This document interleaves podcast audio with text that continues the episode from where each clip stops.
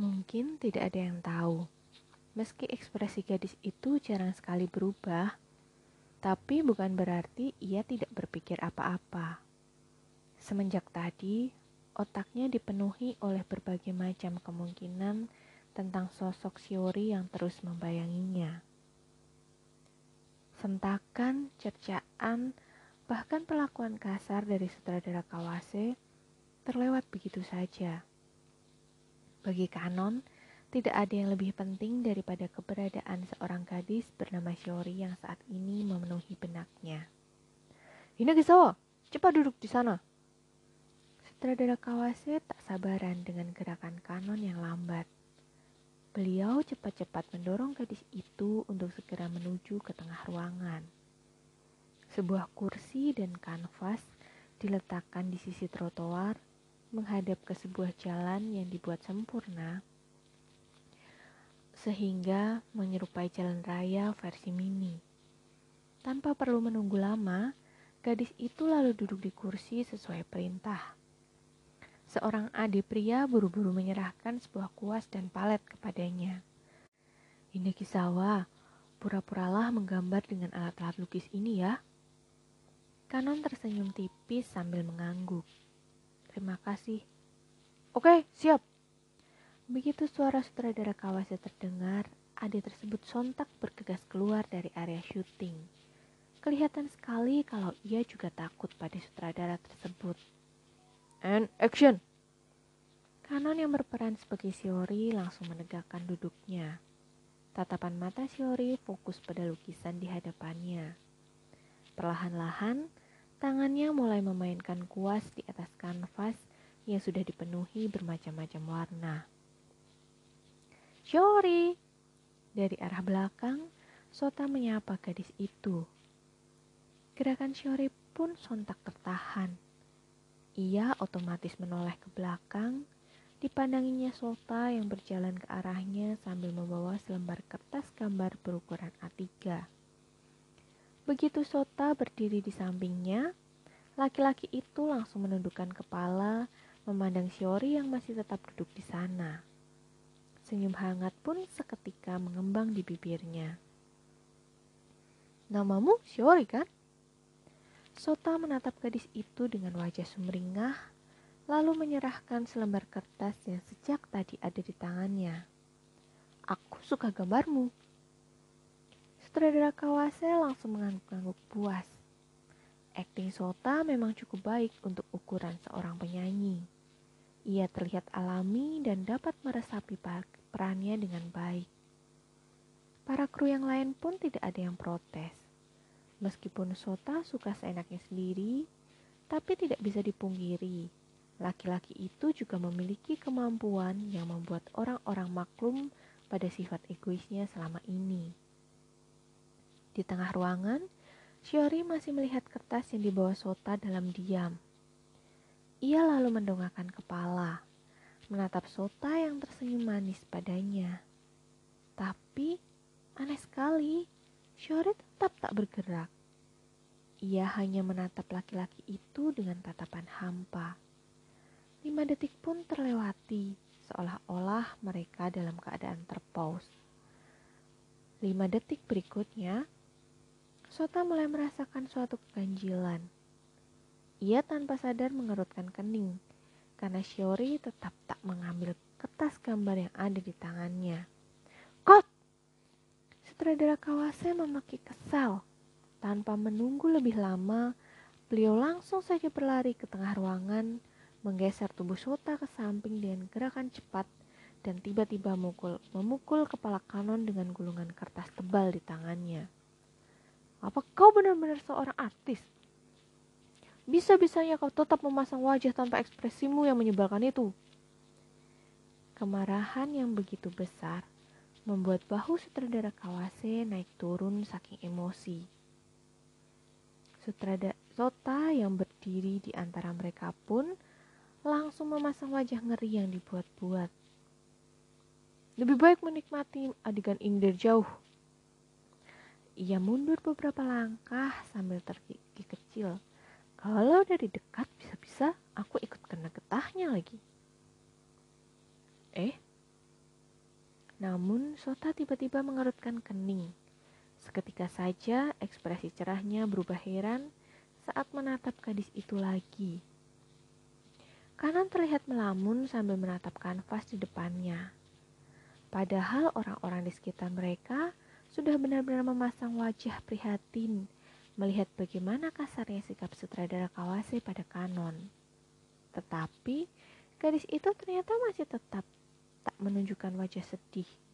Apalagi sampai menangis seperti orang-orang yang sudah pernah menjadi korban kegalakan sutradara tersebut. Pelan-pelan Kanon berdiri. Kemudian berhadapan langsung dengan sutradara Kawase yang hanya sedikit lebih tinggi darinya. Maaf Pak Sutradara, tapi saya tidak bisa berakting tanpa memiliki tujuan. Hah? Apa maksudmu? Sutradara Kawase mendengus dengan nada meremehkan. Jadi sekarang kamu buat alasan aneh kalau tidak bisa berakting, hah? Kanon tidak menjawab. Sikap diam Kanon yang begitu lama saat adegan di mana Sota mengembalikan gambarnya bukanlah sesuatu tanpa arti. Meski tidak ada yang tahu, namun kenyataannya berbagai pertanyaan terus berputar di dalam kepala Kanon saat itu.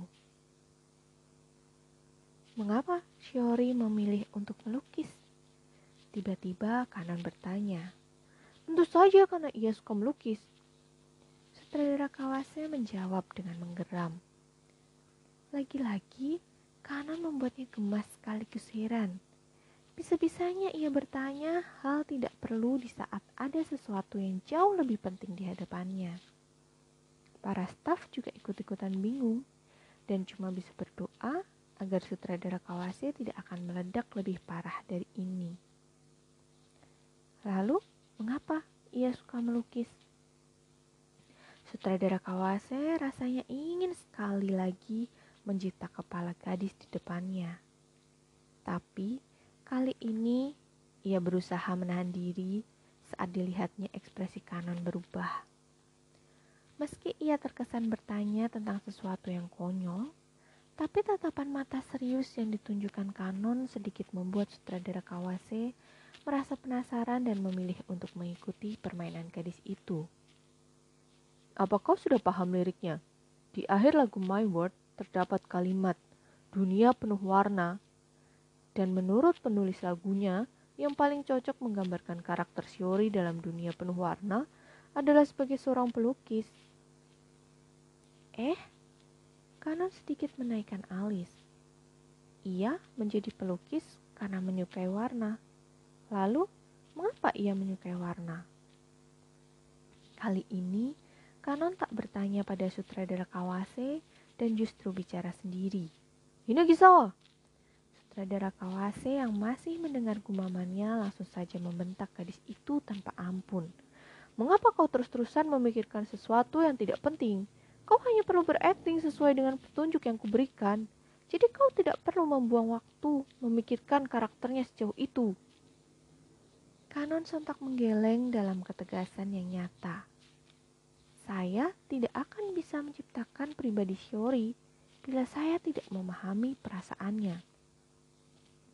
Eh, sutradara Kawase dan orang-orang yang mendengar ucapannya sontak ternganga antara takjub dan terkesima. Apa yang barusan diucapkan gadis itu bukanlah suatu candaan atau sekedar alasan untuk mengelak. Mereka tahu ia serius saat mengatakannya. Kanon yang tidak memperhatikan bahwa suasana di sekitarnya mulai berubah justru menutup mata beberapa saat. Berbagai kemungkinan dan pertanyaan terus-terusan muncul di kepalanya. Shiori Bagaimana sebenarnya kamu melihat dunia ini? Apa yang kamu pikirkan tentang orang-orang di sekitarmu? Mengapa kamu menjauhkan dirimu dari orang lain? Dan yang terpenting, mengapa kamu memilih untuk melukis? Setelah memikirkan pertanyaan terakhir yang ia ajukan pada dirinya sendiri, tiba-tiba saja kanan membuka mata, seolah-olah telah menemukan suatu bagian yang sangat penting sesuatu yang cukup lama ia lupakan dan sekarang kembali terngiang di telinganya. Kanon tiba-tiba membuka mulut, berbicara dalam intonasi lambat, disertai wajah tanpa ekspresinya yang khas. Diperlukan alasan untuk menyukai sesuatu. Tanpa alasan, perasaan suka itu berarti hanya sesuatu yang semu dan dangkal dan Kanan berhenti sejenak sebelum menutup kalimatnya dengan sebuah senyuman kecil. Sama sekali tidak menarik. Eh? Kalimat yang cukup panjang itu membuat sutradara Kawase beserta para kru makin ternganga. Kali ini ditambah dengan wajah-wajah bingung dan tak mengerti. Namun, satu hal yang membuat orang-orang jadi makin penasaran dan tak sanggup melepaskan pandangan dari gadis itu Ekspresi dan cara bicaranya yang begitu tenang sekaligus meyakinkan itu seolah-olah menghipnotis dan membuat orang-orang terkesima. Inilah kanon yang belum pernah mereka lihat sebelumnya. Di balik gerak-gerik lamban seperti kura-kura serta tingkah laku aneh, gadis itu memiliki sebuah kemampuan untuk membuat orang lain terpengaruh oleh pembawaannya serta kepercayaan diri yang ditunjukkannya di saat-saat tertentu. Pak Sutradara, panggilan kanon memecah keheningan. Tolong berikan saya sedikit waktu lagi untuk mempelajari lirik lagu ini. Sutradara Kawase yang tadi juga sempat terpaku saat melihat kanon pun langsung berdeham untuk menyadarkan dirinya dari rasa takjub. Apa kau yakin bisa memerankan Shiori dengan baik setelah aku mengabulkan permintaanmu itu? Tanyanya dengan nada menantang. Kanon tak menjawab, namun sesaat gadis itu menunjukkan senyum tipis yang sanggup membuat sutradara Kawase menarik nafas. Di hadapannya sekarang, Kanon bukan lagi robot tanpa emosi yang dibentaknya beberapa saat lalu. Kanon yang ada di depannya sekarang berbeda Gadis itu memiliki sebuah aura yang seolah menyimpan kekuatan besar di balik ekspresi wajah yang samar-samar ia tunjukkan. Baiklah, akan kuberi kau kesempatan sekali lagi. Sutradara Kawase akhirnya setuju. Tapi, kau sudah membuang banyak waktuku hari ini. Jadi, jika kau mengecewakanku lebih dari ini, ku jamin reputasimu sebagai artis tidak akan bertahan lama. Ucapnya penuh ancaman. Tanpa melawan atau bahkan sekedar menanggapi ancaman sutradara Kawase, Kanon justru mengangguk sopan, berjalan keluar dari area syuting, kemudian mengambil kertas berisikan lirik lagu My Word dari atas meja yang ada di dekat situ. Padahal, ancaman sutradara Kawase itu cukup membuat Sota serta para kru terkejut dan langsung mengecapnya sebagai sutradara tersadis yang pernah mereka kenal. Selain Sota, para figuran dan staf terlihat tegang dan berdebar-debar menunggu-nunggu saat Kanon kembali ke dalam studio. Karena bagaimanapun juga, dibanding mengikuti sutradara Kawase yang terkenal bertemperamen buruk, sebagian besar dari mereka jauh lebih menyukai Kanon dan berharap gadis itu benar-benar bisa berakting sesuai kemauan sutradara Kawase. Di tempat lain, Kanon memilih untuk duduk sendirian di salah satu kursi di luar studio. Perasaannya sekarang jauh lebih lega dibanding tadi. Kebingungan yang terus mengganggu gadis itu semenjak syuting dimulai perlahan-lahan mulai berkurang. Rasanya, Kanon ingin sekali berterima kasih pada kepala sekolahnya. Nasihat yang pernah diungkapkan direktur utama Noah agensi itu benar-benar membantu Kanon hari ini.